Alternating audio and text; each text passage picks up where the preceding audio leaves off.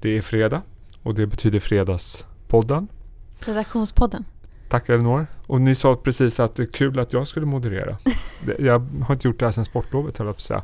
Hur som helst, det är dags för Redaktionspodden och jag heter Jesper Norberg och med mig har jag Karl Lantz, Hej. Elinor Bäcket, Hej hej. Per Ståhl. God dag. Full uh, upplaga idag. Kul. Vi ska bland annat prata om eh, årets kursdubblare. Vi ska prata om Donald Trump förstås. Vi ska prata om amerikansk sysselsättning. Vad är- har vi mer? Vad man ska göra med kvartalets, kvartalets, det är ju kvartalets vinnare. Och, sen, mm. och så ska vi prata om hur och vad man ska göra med uh, megavinnare på börsen, Elinor. Eller hur? Ja. Var börjar vi någonstans? Är det någon som känner att det här måste vi beta av direkt? Ska vi börja med lite roliga kursdubblare kanske? Ja men det kan vi göra. Ja. Eh, vi har ju 69 aktier på Stockholmsbörsens, eller på svenska börsens samtliga listor som har gått upp eh, mer än minst 100% I sen, år. sen årsskiftet. Ja. Fantastiskt. Eh, och 11 av de här aktierna då har ju mer än tredubblats sen årsskiftet. Eh, så att eh, ja, det är väl ovanligt bra tryck får man säga. Och eh, om man tittar lite grann på vilka aktier som har gått bäst så är det ju väldigt mycket pandemitemat kan man säga. Mhm. Eh, och eh, det gäller då både så läkemedelsaktier och, och techaktierna som har gått bra. Och eh, även, vi har till exempel ett, ett bolag som tillverkar ja, desinfektionsmedel som har gått fyra gånger pengarna. Clemondo till exempel. Men den aktie som gått allra bäst det är ju det här live-videobolaget Bambuser då som har gått upp över 600% Mm. sen pandemin började. Vad, vad tycker vi om det här egentligen? Men det, det är så, en fråga som dyker upp i mitt huvud det är ju hur står sig de här jämfört med ett annat år när man inte hade en pandemi? Alltså hade det sett, hade liksom utvecklingen varit lika kraftig i rena procent? Nej. Nej, det tror jag inte. Och jag tror inte att, eh, alltså vissa av bolagen hade absolut inte gått upp så mycket. Som till exempel Polyplank hade inte gått upp 300 procent. De, de är ju då stora inom ja, eh, trämaterial. Liksom. Mm. Och det beror ju på att folk har varit hemma och snickrat då under, under pandemin här. Men det där är en intressant tema. För, för jag känner lite grann när vi pratar om vinnare på Corona. Det låter ju hemskt att säga vinnare på Corona. Men, men det känns som att det är lite olika kategorier av bolag. Dels är det de här som är eh, Alltså som du sa, desinfektionsmedel, eh, den här typen av grejer. I min värld känns det som, ja det blir ett bra år. Men hur blir det sen då? Exakt. när det här är över. Ja. Och sen har du då de här eh, Husqvarna, Byggmax, Bygghemma som, som vinner på att vi är hemma mycket och håller på. Nej, men är det hållbart? Det är bra bolag, det är ingen snack om det. Men de kommer få otroligt tuffa jämförelsesiffror. Man sen får har vi inte de- ha mer än en friggebod på Nej. tomten. Men sen har du de här bolagen som har fått en skjuts av Corona. Jag tänker liksom eh, gamingbolag, eh, vi har Evolution, vi har den typen av bolag som Ja men de kan nog fortsätta och, och ha väldigt bra utveckling. De hade ju bra utveckling innan pandemin och nu har de fått en ytterligare skjuts. Men fundamentan finns ju förmodligen kvar ganska lång tid framöver. Ja, man kan ju tänka sig Eller att vi har fått ett, andra, ett eh, ändrat Ja. beteende så att säga. En Eh, snabbare utveckling än vad det hade ja, varit precis. annars. Men det var inte så att de hade det jättetufft innan den här pandemin. Men, men jag tror liksom att ma- man får skilja lite på det där. Jag skulle vara lite mer osäker på de här som är liksom, vinner här och nu, desinfektionsmedel och de här som är gynnats av att vi har varit hemma. Absolut, det tror jag också att man ska, man ska dra den skiljelinjen. Liksom. Ja, jag tror det är jätteviktigt. Och desinfektionsmedel, eh, då får man väl någon rätta mig om, om det är så att de är väldigt avancerade. Men jag menar, jag tänker bara på alla de spritföretagen som ställde om på bara några veckor och Ja. gjorde liksom handsprit. Det känns inte som att det är den branschen som är svårast att ta sig in i. Nej, det finns det inga sådana här jätte, jättestora vallgravar kan man säga. Däremot hälsovård kan ju bli en sån sektor som faktiskt, det här har uppmärksammat ett behov, Behov, ja. av. Det, det har tagit bort en del byråkrati. Det har eh, ökat, visat på att eh, det kanske har varit underfinansierat i vissa avseenden. Så det, det kan nog leva kvar. Eh, om man bortser liksom från den rena vaccinforskningen. Så, Å så ena sidan så ser vi ju bara vinnarna här. Mm. För att det finns ju också många förlorare också. Så, så är det ju. Ja, inom Som- hälsovården. ja, Ja, ja, absolut. Just även på det. Så man ska Som inte... kan, så att jag tror att det är jätteviktigt att man skiljer på olika typer av vinnare under den här pandemin. Så är det absolut. Man ska vara, vara försiktig när man går in i de här bolagen kanske i det, här, i det här läget. Man ska alltid vara försiktig. Exakt. Men det är ändå intressant att det är så många som har gått så otroligt bra. det ger mig ändå lite ont i magen jag då som får agera permabjörnen här i det här sällskapet. Men jag tänker på en annan sak. Det, du är nog inne lite på det. Det är, inte så, det är inte så hållbart för det är kanske ingen strukturell tillväxt egentligen som driver. Det är corona som har drivit. Men jag, jag hittar faktiskt ett som inte har skrivit särskilt mycket om nu. När det, jag håller på att sammanställa kvartalets vinnare, lite börser och valutor och eh, fonder framförallt. Mm. Och då hittar jag mycket hållbarhetsfonder. Alltså inte hållbarhet men hållbar energi. Eh, ett tema som har funnits länge. Vi pratade oerhört mycket om i, för ett år sedan. Ja, för ett år sedan. Mm. Och nu hittar vi vinnarna igen i kvartalet. Jag har inte läst det någonstans. Jag läser ganska mycket. Jag har inte, det framstår som tech har gått väldigt bra. Och det vet vi att det har gjort. Men just de här hållbara bolagen inom solenergi, vatten och allt har gått oerhört bra. Och gynnas ju kanske inte särskilt mycket av Corona utan mer en hållbar strukturell trend. Så det finns ju vinnare. De är inte med på din lista men jag tror att de kommer precis under listan. De är liksom inte uppe Och- på radarn Och sen kollar du väl i hela världen också eller? Ja, jag tittar lite mer globalt och då, det, Mm. där finns det otroligt mycket vinnare inom just Och där är det intressant att där pratas ju mycket om nu när vi ska förväntas få finanspolitiska Mm. stimulanser. Så pratas det mycket om EUs Green Deal och så vidare. Mm. Att det kommer investeras. Det, det är ändå förhoppningen och tron. Vi vet inte. Det, det är ju politiker vi har att göra med och de kanske inte är de skarpaste knivarna i lådan. Men, men eh, att eh, det kommer investeras mycket i grön teknik och, och hållbarhetsgrejer. Så att det är nog någonting som kommer kanske växa lite mer långsamt men det kommer komma. Mm. Det tror jag. Låter rimligt. Det låter för rimligt. Ja, för de här eh, bolagen som du har tittat på Carl, det är ju hyfsat små bolag. Ja, om man bortser från då de här spelbolagen. Alltså det finns ju några lite större bolag som, eh, ja men till exempel Embracer är ju rätt så stort nu för Mm. tiden. Och, eh, du Hur har ju, stort är det nu för tiden? Ja men det är 60 miljarder ungefär. det är 60 miljarder. Ja. Det är kom in, lite- eh, in på er lista. Köparlistan eller vår lista Precis, vi, Ja. vi valde att ta med den här. Ja. i veckan. Vi tror att den, precis i veckan, vi tror ju att den, den tillväxten kan ju komma att fortsätta här. Mm. Och eh, ser ju då att särskilt då förvärvstakten är ju eh, väldigt, ser ju lockande ut i aktien. Eh, och om man då lyckas få synergier eh, i de här förvärven så Jag såg att, jag tyckte mig se den där listan att Enzymatica var med. Precis, då har du ju Väldigt intressant. Det är väldigt intressant det här att det eventuellt neutraliserar då eh, covid-19 i svalget va? Tidiga studier. Men det här är ju någonting. Är det någon av er som använder eller har använt an- Enzymatica genom åren? Nej, Nej. jag lyssnade bara på en presentation av vdn för många år sedan. Ja. Eh, och då det var helt nytt. Och eh, då lät det ju väldigt fantastiskt faktiskt. Jag brukar då. faktiskt, när jag, när jag känner mig tidigare när jag har varit så här, "Mm, någonting på gång. Då brukar jag spraya. Och har det funkat då? Jag vet inte. Jag, Jag tror- tror det, men jag har inte blivit sjuk. Men det kan ju bero på många tusen andra faktorer. Jag vet inte om det beror på enzymatika eller Men om det det bara är inte att man placebo. sprutar väldigt ofta då? Ja, och jag tror ganska ofta när jag sprayar ganska regelbundet när du börjar känna dig. Men det är ingen bedövningseffekt eller så? Nej, nej, Nej. Det, det, du känner inget. Det, utan det ska ju då skydda Mm. svalget tror jag. Men, jag tänkte så här, hur skulle det vara om man till exempel sprutade lite whisky istället? Eller? jag har ju provat det Det också. fick och jag det alltid brukar- höra när jag var liten att man skulle göra. Konjak är Konjak, mitt recept. Men, Så att jag vet inte om det är det som funkar eller om det är bara något annat. Men, men jag har ju peppar peppar inte varit sjukt mycket de senaste åren. Men äh, ja, det är ju intressant. Visst är det. Eh, Den där om det, om det funkar. Hur var det nu? Det var torsklever eller något sånt där va? Som är Ja, det är det torskleverenzymen. Ja men det är ju en av de tio bästa aktierna i år. Upp 350 procent. Ja, herregud. 2,5 miljard i market cap. Ja, och eh, apropå Corona då. Eh, vi måste väl nästan eh, kommentera Trump. Ur ett börsperspektiv kanske. Eh, och vad det här, han har ju då det är bekräftat smittad med covid-19 och vi behöver inte gå in på liksom det. Men det var ju en debatt här också. Och eh, jag är så här lite konfunderad för jag har hört hela året att det bästa för börsen är att Trump vinner. För att han Mm, är också mera vilket- företagsvänlig, mindre byråkrati. Han har ändå sänkt skatterna för vad är det, 80% av USAs befolkning. Medan då Biden eh, ska då höja skatterna. Även om Mm. det kan ta tid. Och det är då mindre bra. Jag tror man har pratat om 10-15% ner på S&P's estimaten om Biden får igenom de här skatteförslagen. Eh, utan att liksom ta ställning till respektive kandidats ideologier så, så är det så diskussionen har gått.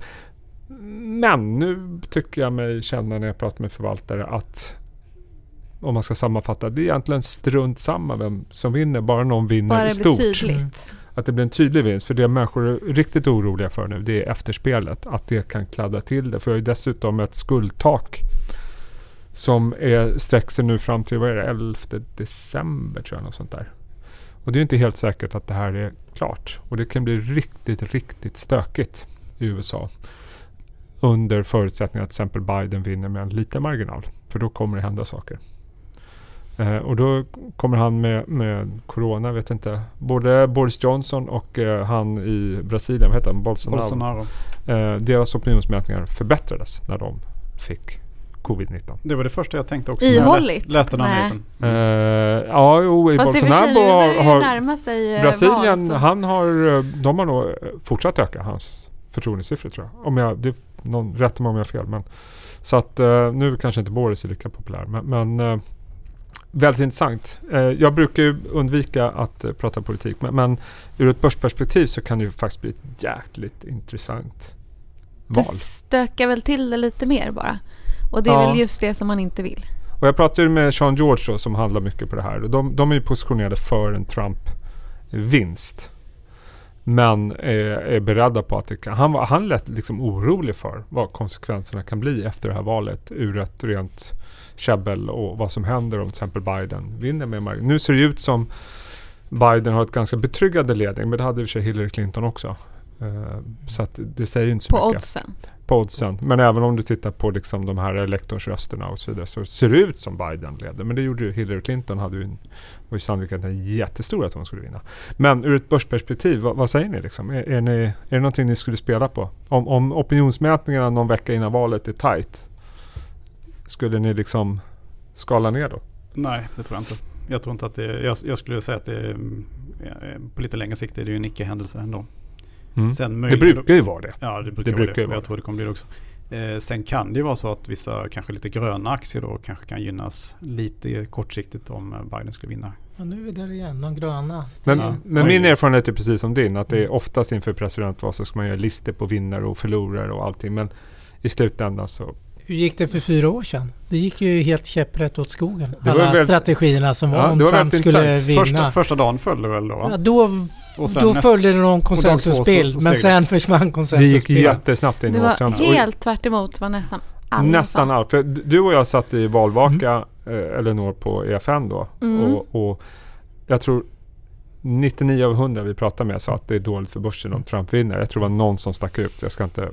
Eller ska jag nämna vem det var som stack ut då? Ja, men ge honom det. Ja, Mattias Sundling Mm. eh, sa faktiskt att han, han eh, jämförde lite grann med Reagan eh, och så vidare. Så att han, eh, han eh, var den. Men, men det visar sig att, jag håller med dig helt Carl. Jag tror liksom att man överskattar alla vals betydelse för börsen. Den lever sitt eget liv. Det är centralbankerna som Centralbankerna, betyder det är något. där vi det är de som föder Det börsen. är där vi ska. Det är, det är inte politikerna, Nej. de föder inte börsen. Men inte bara, det finns ju de här apropå strukturförändringarna. De, liksom, Ja. de går inte att stoppa. Nej. Och, Nej. och, och för att liksom eh, verkligen knyta ihop säcken och, Mm. och komma tillbaka till dig.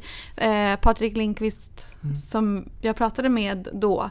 Mm. Eh, när Trump precis hade blivit vald. Och så sa jag så här, men är du inte orolig nu? Alltså ska för att bara för, förklara vem han är så förvaltar ju han ju Hållbara Energifonden på Handelsbanken. Ja. Och han, han var ju liksom, nej det spelar ingen roll. Det går inte att stoppa. Det Det går inte att stoppa. Nej. Trump kan inte stoppa det Nej. här. Alltså i Nej. så fall liksom på den yttersta marginalen. För det är det här marknaden vill ha. Och delstaterna plöjer in pengar så- så Sen är det så här att Sen kan man ju liksom, om man är kortsiktig så kan man handla på, han, kan man ju handla på olika tillgångar Mm. inför ett val. Jag vet att inför förra valet så handlade allting om den mexikanska peson. Du och jag satt den där natten Mm. i valvakan. Och det var typ den den. enda kursen jag hade uppe under hela valvakan. Det var mexikanska peson. Och bara, så bara stärktes den. Ah, nu vill det Clinton. Så försvagades Nej, det blir Trump. Och kunde så, så att det är klart att är man en sån där kortsiktig så kan man ju handla både på hälsovård och, och på grön teknik. Men jag tror i långa loppet så är det spelar skitsamma. ingen roll. Nej, jag tror inte det. Det- Sen att det kan bli stökigt, absolut. Mm. Men, Ja, en tillfällig händelse Men är man som långsiktig- egentligen är ic- icke-händelse. Jag ska dra en långsiktig anekdot för det passar ju lite där, lite som Karl är inne på att sannolikt med en längre tidshorisont så blir det lite av en icke, ett Mm. litet tack i kurvan. Det är bara brus kan man Ja. säga, som du brukar säga. Ja, jag brukar säga att det är brus. Jag har en brus-tes, en liten, eh, lite intressant eh, reflektion. Eh, det görs ju mycket affärer nu. Alltså bolagsaffärer. Det är mycket uppköp, det är mycket pengar. Eh, och börserna är på rekord. Det är klart, det hör till. Eh, Softbank, eh, det japanska internetkonglomeratet som har gjort ett antal dåliga affärer sista året. Eh, de, har, de håller på att sälja ARM. ARM Holding, det är liksom egentligen Storbritanniens tech under. Eh, de var jättetidiga på halvledare och kanske Europas egentligen främsta teknikbolag. Mm. De blev uppköpta för ett antal år sedan av just Softbank för de skulle satsa. De, de såg halvledarindustrin och allt det här. Eh, ett uppköp man gjorde på eh, knappt under 40 miljarder dollar. Nu har man aviserat att man, att man ska sälja det till Nvidia. Den här Kalifornienbaserade som är superduktiga på halvledare, särskilt inom med bildhantering och inom spel. Vet du vad Jim Cramers hund heter? Nej. Nvidia. Men du, vet du vad är intressant i sammanhanget? Jag tänkte på det, Softbank har inte skött ARM så jättebra. Uppenbarligen, för man köpte det för knappt 40 miljarder, säljer för 45 miljarder. Det är ungefär drygt fem år sedan. Eh, eh, bara som en anekdot, Nvidia hade ett market cap som var lägre än det. Mm. Nvidia har gått tio gånger pengarna. De har ett market cap som är närmare 350 miljarder dollar. då. Bara prata om långsiktighet, bra management och lite kanske strukturella trender och framförallt att det är en bra ledning och bra ägare. Men Det spelar roll. Men uppenbarligen är ju, är ju ARMS fortfarande då intressant eftersom Nvidia vill köpa dem. Ja, det är alltså, jag, jag ger ingen värderingar där utveckla. men, men eh, det har varit i privat ägo och kanske inte blivit den eh, Mm. kurs, kursdubblare som man hade planerat. Det var lite mer... Det är märkligt Mm. hur Softbank har fallit så här i anseende under sista Mm. året egentligen bara va? Mm. Alltså att de har gjort så otroligt många dåliga affärer. Men de lever ju på sin Alibaba Trade Ja. fortfarande. Ja. Så är det. Så fort det har hänt något lite konstigt så är det ju som att de har ett finger med i spelet. Det känns som att de har nämnts i varenda bi, alltså någon bisats i, i varje podd varje vecka för att de är liksom... Jag tänkte att vi skulle Mm. fortsätta prata lite vinnare. Eh, för det, han Ja. verkar som det är temat i det här programmet lite grann. Sen, sen kan jag dra ner er på jorden igen i slutet Mm. av podden. Eh, jo, eh, Kalle berättade om de här eh, riktiga vinnarna. hur gör man med vinnare? Elinor? Ja, För du vi skrev om det. pratade om det redan förra veckan ju. Om, ehm, det började med att vi tittade på vilka som de som har bara en aktie och vilka de är. Mm. Och det är ju väldigt mycket då eh, sådana som någon gång har varit med på den där listan. Eller fortfarande är det. Till exempel eh, så är Cancera var ju på din lista. Det är nummer två. Sivers, Mm. Sivers, IMA och Diamyd Medical är det då eh, väldigt många som har bara den aktien. Vad, vad, vad kan man säga då är typiskt för de här? Jo, men det är ju att det blir väldigt hög risk. Liksom. Så eh, det jag skrev om, vad kan man då göra för att inte gå liksom lottlös fast ändå behålla en väldigt stor del av uppsidan? Mhm. Och det var lite olika taktiker då. Eh, hur mycket man kan sälja av och sådär. Och då tänkte jag ju passa på att fråga. Jag vet ju att du har ju ägt Nibe i en massa år Per. Hur har du tänkt där? Du har ju tagit hem lite vinster. Jag har tagit hem alldeles för mycket vinster hela Ja. tiden. Tyvärr. För det var det jag också fick lite sådär, eh, ska man säga, feedback på. Du sålde väl dem på 200 om jag inte minns Ja, fel? nu har jag sålt av. Nu är jag ren. Jag har varit det två gånger tidigare tror jag under de här sista Mm. 18 Vänta, har du, vänta har, har du inga Nibe? Nej, jag sålde dem här i juni för jag tyckte de gick upp så mycket. De gick upp till Slutet 200 på juni. på Ja, den har ju backat jag. lite sista tiden. Fast den gick väl upp till 240 ganska snabbt Ja, efter det. 250 tror jag till och med. Mm. Ja. Och nu kanske ni är 220, 230. Ja, 220 igen. Vi får se. Jag mår inget bra när jag inte äger den. Nej, men då, men då var det i alla fall en som sa Men eh, saknar köp och behåll-strategin. Läs på, ha koll, räkna på det och fortsätt öka så länge caset håller. Och självfallet så är ju det kanske det bästa. Kanske Mm. sälja av någon gång Mm. på vägen. Eh, för att det kan kanske inte fortsätta i all oändlighet i vanliga fall. Nibe är ju trots allt en, eh, lite av ett unikum. Inte absolut ett unikum men, men så. Men du har ju tiden den här risken får ju inte, en aktie får ju inte överstiga 10% av totalportföljen så att säga. Ja, men, USITS-reglerna. Ja, men du måste ju följa det annars har du ingen, ingen du risk, behöver inte följa det. Jag har börjat följa det ja. Ja, du Sista har året. börjat men du Ja. behöver inte. Nej, man behöver inte göra. Mm. Nej. Saken är den att eh, säg det till de som ägde Fingerprint för ungefär 3-4 år sedan. Hur många tror du att lyssnar på det rådet? Ja, förmodligen inte mer än 1% kanske. Nej, så Ja. det är ju, och hela liksom, det här börjar ju ändå i, alltså de som bara äger en aktie. Då blir det, så det var ju det som det här då utgick ifrån. Men självklart är ju det bra. Men eh, ja, Men hur ska de tänka då? Så att säga, om, om de ska, när de ska dra ner risken? Om de då har liksom, sitter på ett sånt här guldkorn så att säga. det var ju ett sätt till exempel. Det är att varje gång aktien fördubblas så säljer man av 10%. Okej.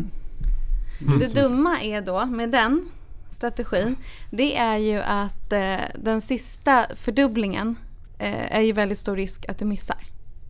Mm. Och det är väldigt mycket pengar. För att det är ju en sak när den går från 30 öre till 60 öre Mm. till en, eh, 1,20 och så vidare. Och så helt plötsligt står den på 15. Då ska den upp till 30 för att fördubblas. Mm. Då blir det väldigt mycket pengar som man då går miste om. Mm. Ja. Eh, den andra strategin eh, som ju då gav lite mer. Det var att sälja av 10% varje gång insatsen fördubblades. Okej. Mm. Så det är ju ett annat sätt. Det är fortfarande kvar väldigt mycket pengar Mm. på vägens gång i dina aktier om de skulle fortsätta gå bra. Men du eh, har ändå, vad kanske, du kanske har fyra eller fem gånger pengarna än vad du hade från början. Vilket är ändå en fin avkastning på några år. Det sista var att sälja av 1% varje månad.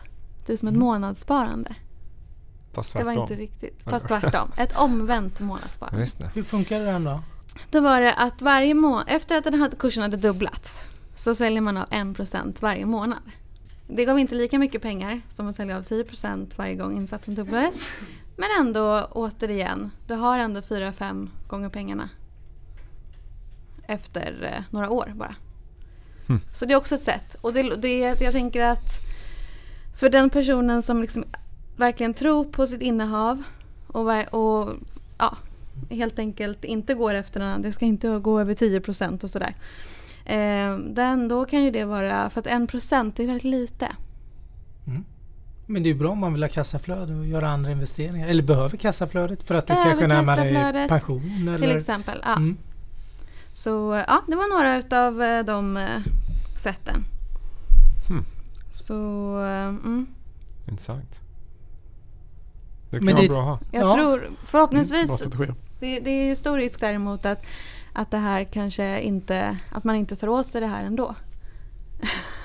Om man nu sitter och har en väldigt så här, känslomässig, eh, vad ska man säga, Man har gift sig med sin aktie. man har gift sig med den precis. Man kan inte tänka sig något annat än att det går dåligt. Men eh, någonting att, att fundera på i alla fall. Eh, ja, det var, jag hade inte så mycket mer att säga om men det det. där är bra. Det är Det är jättebra. bra. Men när vi talar om vinnare. Just det, kvartalet. Kvar- Stockholmsbörsen är ju faktiskt en vinnare under kvartalet. Den har gått absolut jätte, jättebra. Mycket bättre än USA. 6% och, på helåret i alla fall. Ja, liksom, kvartalet har ju lyft eh, Ja. liksom årssiffran Mm. positivt och Stockholm sticker ut tillsammans med eh, våra nordiska grannar faktiskt. Mm. Danmark och eh, Finland och Sydkorea. Mhm. Eh, eh, lite intressant tyckte jag. Jag var tvungen att grotta lite. Jag tänkte, fan vi har ju inte de här riktiga heta sektorerna kanske på Stockholmsbörsen. Nej, precis. Men vet ni vad som är liksom vilken sektor som är vinnare? Nu är det dollar för jag tittar Sen när globalt. då? Äh, senast kvartal under Q3. Vilka? Fastigheter? Nej. Alltså ni kan inte gissa det. Det är råvarubolagen. Jaha. De har gått bäst. Tvåa är industribolagen. Tillsammans med sällanköpsvaror. Ja men då förstår man lite varför Stockholm har gått bra. Det är Electrolux, Mm. Men det vad, är SCA. fastigheter, de kanske hämtar sig senare? De, ja. just det, de, de hämtar sig De har hämtat sig. sista månaden sista kanske? månaden en en lite mer. Ja, Okej, de var ju och så de, de hänger liksom inte riktigt med. Men eh, alla de tre sektorerna jag Mm. nämnt har gått bättre än tekniksektorn. Vilket är lite intressant. Vilka energibolag är det då som har gått så bra? Nej, jag sa inte energi, jag sa råvaror. Råvaror. Råvaror, Och vilka- energi har gått sämst. Det är enda Ja. sektorn Mm. som är negativ under kvartalet. Till och med bankerna har kommit över nollan då. Så det är Okej. den vanliga de här energi och bank eh, har man ju ratat länge Ja, nu ja. hos investerarkollektivet. Energibolagen, jag såg bara igår var det 25 års lägsta på de här Mm. Europas största energibolag eh, BP och Shell. De hade liksom har nått eh, nya bottennoteringar samtidigt som de eh, vad heter det, har sagt upp massor med människor Ja, igen okej. och gör mindre investeringar. Hela det här då. Men det är väl lite intressant. Så det är på något sätt någon eh, konjunkturoptimism får man väl tolka. Om det är Mm. eh, råvaror, industri och Man, man kan eh, då att det är sällan tidigt, tidigt i konjunkturen. Ja, det är tidig, är tidig konjunktur som, som liksom, som har hänt senaste eh, kvartalet. Mm. Och gör Stockholm till en vinnare, vilket jag tycker var jättekul. Mm. Så Mm. man hittar mycket småbolags, svenska småbolagsfonder bland vinnarna senaste kvartalet och de här hållbara. Du nämnde ju faktiskt den stora vinnaren under kvartalet som är faktiskt Handelsbanken Hållbar Energi tillsammans med några andra sådana här hållbara bolag. Så det är lite spännande. Jag tror att många av de bolagen ligger nog i industrisektorn också. De är inte teknikbolag, sådana här vindkraft och sånt. Då, så. Är det ingen av er som känner någon som helst oro över att det går så snabbt? Ja, Jo, det är klart man gör. jo. Det är väl jättekonstigt. Men vad, vad var det du intervjuade Johanna Kull? Ställ dig inte framför Ett skenande skenande tåg. tåg. Och hon har ju en poäng i det. Liksom, förrän det man ska göra. Men det gäller bara att hitta den där timingen och den är nästan Den omöjlig. är, up, ja. Den är nästan omöjlig. Nej, men jag känner liksom bara att... Igen, nu får jag agera permabjörnen här. Men, men det är ju fortfarande så att vi handlas på all time high. Eh, vilket är ju då bättre än innan pandemin bröt ut. Och eh, ekonomin är inte bättre än innan pandemin bröt ut. Även om vi tror att den ska bli det. Men jag tycker ändå... Nu kommer sysselsättningssiffrorna i USA idag. Eller hur? Ja, det måste jag göra. Det är första, Första. Mm. fredagen i månaden. Och det jag tror snittet ligger på. Nu kommer den här podden komma ut efteråt. Eh, för den kommer 14.30. Men, men jag tror snittet är väl 800 000. Vilket är en fantastisk siffra. Men det minskar. Ökningstakten minskar. USA har tappat 11,5 miljoner jobb. Och det kommer alltså, även om man skulle ha en miljon nya jobb varje månad så skulle det ta ett år att komma tillbaka. Och det kommer inte bli en miljon nya jobb per månad. Snarare kommer liksom, många bedömare i USA tror att det kommer liksom bli färre och färre nya jobb. Men även om det kommer att öka. Och så såg jag igår, det var tis, i veckan, liksom, Disney sparkar 30 000. Flygindustrin sparkar 30 000. Och du nämnde oljebolagen sparkar 6, 7, 8, 9 procent av personalen. Och det är inte bara permitteringar, det är uppsägningar. Och, då, och, och Wall Street sparkar folk. Och då- jag känner liksom att det finns en risk att vi här underskattar eh, the ripple effect av att man brukar ofta säga ett Wall Street-jobb som går förlorat påverkar tre ytterligare jobb som servar Wall Street med liksom det är restauranger eller kläder eller vad det är.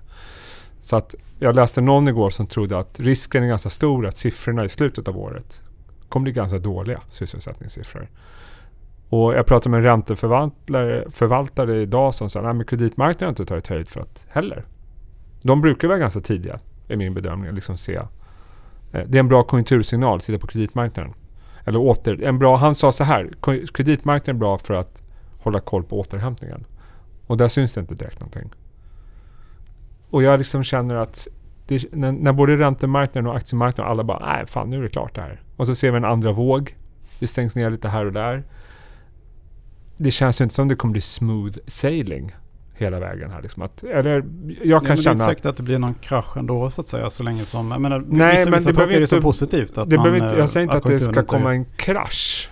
Men det kanske lugnar ner sig lite grann. Ja, det kan man ju tänka sig. Och särskilt på Ja. svenska börsen tänker jag. Att det liksom har, och kanske amerikanska börsen. vi har blivit Ja. lite fartblinda. Att det är fortfarande, människor verkar glömma att vi fortfarande är inne i en kris. Men lite sidledes eh, rörelse. Men det kan nog bli volatilt men kanske volatilitet riktningen är uppåt. Om du Mm. förstår vad jag menar. Ja, Men jag känner själv liksom att fan det är inte över det här. för det är inte antingen eller. Det får man inte glömma. Nej, det är inte absolut antingen inte. Det, fast det Absolut kan man ju inte. nästan tänka att det Men- alltid men nu- är så. Nu känns det ju som att alla året. bara, nu är det bara happy days, frid och fröjd, allt är över. Och det är det inte. Nej det är det är det ju över. verkligen inte. Men det är här det- kan ta ett år, det kan ta två år. Mm. Jag menar, vaccinet kommer och jag hörde någonting om igår att ja men det ska vara 50% effektivitet. Mm. Och så är det 50% effektivitet på de relativt få som kommer ta den första rundan. Det kommer inte liksom... Det är bra för dem, absolut, de som tar det. det, det och det ökar liksom skyddet lite grann. Men det här kan ju ta... Man har ju hört de som sagt att det kan ta två år Mm. innan det här är liksom över. Ja. Och kommer företagen klara sig så länge? Kan vi liksom baila ut alla så länge? Nej. Jag kan också tycka att det är lite, lite läskigt framförallt som du säger det hur, hur mycket allting går upp och lite för lätt och tjäna pengar och allt det där. Men är inte det här att man känner att någonstans så har ändå vändningen varit och att det ser ändå bättre ut? Och det syns ju inte minst, alltså, Nej. börserna är Nej, ju också uppe. att det borde ha syn? Börserna är ju upp kraftigt. Men jag Men tycker att vi, vi, liksom vi, vi, pratar i ju verkligen om rörelsen. svenska börsen nu tycker jag. Ja. För att, och kanske amerikanska börsen. För att de europeiska börserna har inte alls Nej. vänt upp på det sättet. Det är ju Nej. tvärtom. Liksom. Alltså, am- franska börsen är ju fortfarande ner 22-23% på året. Ja. Eh, och så då kollar du hela, hela Europa, över hela Europa så är Mm. det kanske då tyska börsen som har lite grann hänger med de nordiska börserna. Men annars är det ju eh, Och, och i Sydeuropa har verkligen dessutom hela statsskuldsproblematiken. Och nu pratar vi inte så mycket om det. Men det finns ju faktiskt en risk att vi får en ny eurokris längre fram. För att det är ju faktiskt så att nu har ju för sig ECB och alla sagt att vi ska göra allt vår makt. Men vi har ju ett antal länder i Sydeuropa som har Jag tror vi får en transferunion. Liksom. Vi har ju början till Ja. den nu med den här... eh, eh, den här vi har ju liksom då, otroligt Mm. stora olikheter i, i eh, vad gäller statsskuld. Och det där kan ju leda till en ny eurokris. Ja, för jag tror att för att hålla ihop unionen så, så tror jag att eh, transferunionen då eh, är, kommer Mm. att bli ett faktum. Eller är redan ett faktum egentligen. Så att, Men är det. Sverige man ska akta sig för då kanske? Mer? Jag skulle ju nog akta mig, vara lite mer försiktig här just nu. I alla fall. mm. Vad skulle du lägga, vad skulle du helst, det här vill jag, regionen? Är det USA fortfarande eller vad säger du? Jag är ju inne på lite, eh, precis plocka upp eh, techbolag då när, de, när, när dagarna är, när, när vi ser röda dagar så att säga. Då tror jag att man ska investera Ja. i, eh, i ny teknik Mm. faktiskt. Karl, du har blivit återuppfödd till en techinvesterare. Nej, det är helt fantastiskt. Är, är jag knäpp om jag säger att Nej, jag är är fortfarande inte oro för konjunkturen? Nej, Nej. nej, Nej, nej. nej, men, men jag, jag håller är lite rätt. med Karl. Jag tror att investerarna tänker att nu är det början på något nytt och inte slutet på något gammalt som det var kanske i januari. Då var det ju slutet på en extrem Alltså, konjunktur. precis. Men det, det skapar ju dess, då också en otrolig nedsida. Om det visar sig att den här andra vågen faktiskt blir riktigt, riktigt jobbig när vi går in i vintermånaden. Ja, ja. Det vet vi inte. Nej, vi är nej, inga nej, experter på det här. Jag ska inte säga. Men det känns ju inte som att det är helt osannolikt. Nej, Att det är blir klart. skitjobb i vinter. Mm. Och det känns ju inte som någon har tagit höjd för. Mm. Jag menar man stänger ner Madrid och det, risken är att det blir liksom stopp igen. Mm. Och då blir det kanske ännu värre liksom. För nu har vi liksom man bailat ut massa företag. Men det är ju det är inte hållbart att baila ut varenda företag i hela Men Jesper tiden. om vi får en krasch till då kommer vi få en fantastisk återhämtning också igen. Liksom. Och fantastiskt låga Ja, ja. räntor. Ja, Hur, och en- hur låga kommer inte vara. minusräntor. De är Missförstå mig rätt. Jag säger inte att vi ska få en krasch. Jag säger bara att det känns som att kan vi inte bara liksom hälla lite is på det här? Bara liksom Men- svalka ner hela det. För det känns ju som att jag, känner, jag ser inte logiken. Men har du inte en svalkare som ligger lite kanske nu för dörren? Jag tänker det är rapportperiod snart. Ja, I Och- oktober nu om några veckor rullar de amerikanska och svenska Mm. och liksom Kan det kanske bli en liten ögonöppnare? Då kanske vi blir nedtagna på jorden. Ja. jag vet inte riktigt. Ja, jag vet inte men det kanske Jag är nog mer orolig för Q4. För nu tror jag känns det som vi fortfarande är liksom från låga nivåer. Vi är liksom fortfarande återhämtning. Jag tror risken är när vi går in i vinterkvartalen. Ja men då är det ju januari, februari som Ja. blir lite D- skräckmånaderna. då kan jag känna liksom att det kan hända saker. Mm. Men som sagt, jag, jag säger inte att vi ska få en krasch. Jag säger bara att jäklar vad fort det har gått. Det känns som vi har liksom blåst faran över. Och jag ser inte att faran... Ja, jag ser att centralbanker gör allt i deras makt för att stoppa det här. Men man diskuterar ju framtid. På, det är lite... Ja, men och jag, säger bara man- liksom va? att eh, om alla har sagt att vi har nått en vändning, då, då finns ju alltid en ganska stor nedsida om inte den vändningen kommer så som vi hade förväntat oss. På Trump-spåret som vi sa för fyra år sedan. När marknaden låg fel. Mm. Alla trodde. Fast jag kan inte säga att du har fel liksom. Det kan ju mycket väl- I sinom mycket väl bli tid så. får du Det väl rätt? Nej, jag har ingen aning. Jag bara säger Du har liksom bara fel oftast. jag blir, ja, jag, jag, jag blir bara lite läbbig när liksom så här många aktier har gått upp så många procent. Och, ah, hur, många, hur mycket substans finns det i Mm. de där, en del av de där bolagen? Liksom. Nej, det kan man eh, Eh, menar, fundera över. Det Verkligen. finns eh, många olika typer av flöden där ute. Det är mycket pengar på sidlinjen, det vet vi liksom. Så att det kommer alltid finnas pengar som går in i bra bolag. Men Ja men jag tror att alltså när du investerar så ska du investera i de starka trenderna och då är det ju, Ja. alltså vi befinner oss då i början på Ja. det som man kallar för den andra maskinåldern. Ja. Och, och eh, där, där, vi- det, där håller jag helt med dig Karl. Att kommer det, skulle det komma ett kraftigt fall så, så är det väl de trenderna man ska gå in i. ja. För de är liksom, det är strukturella trender. Det finns vissa på tekniksidan, det finns vissa ESG-grejer och så vidare. Där är det liksom, det går inte riktigt att stoppa det. Precis. Sen, sen att värderingarna drar ut i höjden där också. Det, ja, det, jag köper ju hellre någonting som är högt värderat, som är inne i en strukturell trend, än någonting som är lågt värderat, som man liksom skvalpar lite grann. Och det gör jag. Exakt, som MQ till exempel. Inga namn nämnda. Nej. Ja, men så är det. Jag håller med. Ja, men då är vi ju ganska överens ändå. Vi är överens. Hade vi något mer på? Nu gick Per bara. Nej men det är väl lagom att sluta nu, Jag eller? gick där. Vi har ju... Per, per kan ju få säga hej då. Säga hej då kanske. Hej då. Hej då Per. Trevlig helg. Eller, ja, Trevlig helg. hej, hej. Trevlig helg. Trevlig Ja, hej. Hej.